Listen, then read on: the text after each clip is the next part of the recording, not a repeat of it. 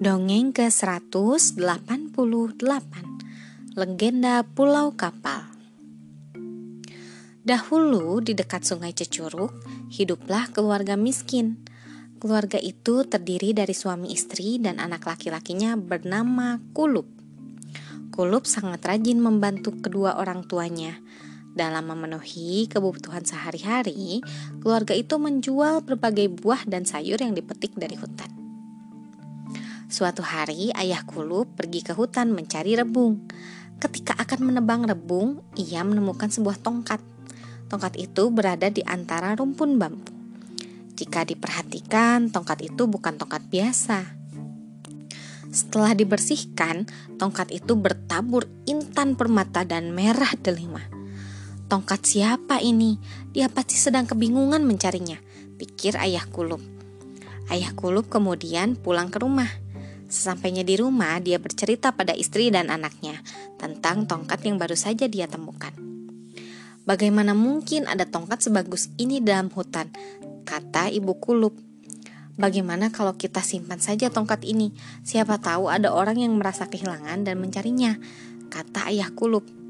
Tapi kita akan simpan di mana? Kita tidak punya lemari.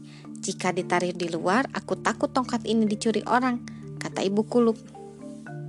Kalau begitu, kita jual saja tongkat ini. Jadi kita tidak perlu repot menyimpannya, usul ayah Kulup. Akhirnya Kulup dan ibunya setuju. Kulup ditugaskan pergi ke kota untuk menjual tongkat itu. Setelah beberapa hari di kota, akhirnya tongkat itu terjual. Tongkat itu dibeli oleh seorang saudara kaya dengan harga yang mahal. Setelah tongkat itu terjual, Kulup tidak segera pulang ke rumah dia malah tetap di kota dan menjadi orang yang kaya raya. Teman Kulup kini para bangsawan dan saudagar kaya. Kulup juga menikah dengan seorang anak saudagar paling kaya di negeri itu. Kehidupan di kota membuat Kulup lupa dengan kampung halaman dan orang tuanya. Bertahun-tahun sudah Kulup meninggalkan desanya. Suatu hari mertuanya menyuruh Kulup untuk berdagang ke negeri lain bersama istrinya. Mengetahui hal itu, Kulup kemudian membeli sebuah kapal besar dan mewah. Setelah semuanya siap, maka berangkatlah Kulup beserta istrinya berlayar. Ketika tiba di muara sungai Cecuruk, Kulup teringat dengan kampung halamannya. Kapal milik Kulup kemudian berlabuh di sungai Cecuruk. Berita kedatangan Kulup juga diketahui oleh kedua orang tuanya. Ayah dan ibu Kulup pun sangat senang mendengar kabar itu. Mereka sudah tidak sabar ingin bertemu dengan Kulup. Keesokan harinya, ayah dan ibu Kulup pergi ke kapal anaknya.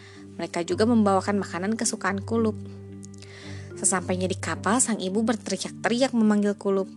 Kulup anakku, di mana kau nak? Ini ibumu Kulup. Teriak sang ibu. Kulup terkejut ketika mendengar suara ibunya. Dia tidak mau ada orang yang tahu kalau orang tua berpakaian kumal itu adalah ibunya. Dia malu memiliki orang tua yang miskin. Siapa kalian? Cepat pergi dari kapalku, bentak Kulup. Kami adalah ayah dan ibumu, nak. Apa kau sudah tidak mengenali kami lagi? Ibu juga sudah membawakan makanan kesukaanmu, kata ibu Kulup.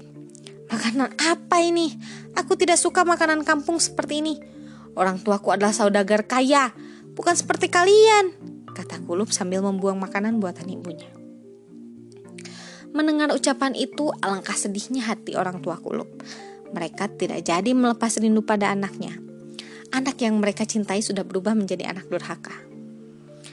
Ayah dan ibu Kulup pun pergi meninggalkan kapal Kulup. Sambil menangis sedih, ibu Kulup berdoa. Ya Tuhan, jika saudagar kaya raya itu memang benar anakku si Kulup, biarlah kapal besar itu karam bersamanya. Tidak lama kemudian tiba-tiba datang badai yang sangat besar. Gelombang laut yang tinggi menerjang kapal kuluk. Kapal besar itu terhempas dan akhirnya terbalik. Semua penumpang di dalam kapal pun meninggal. Waktu cepat berlalu. Di tempat tenggelamnya kapal milik Kulup muncul sebuah pulau.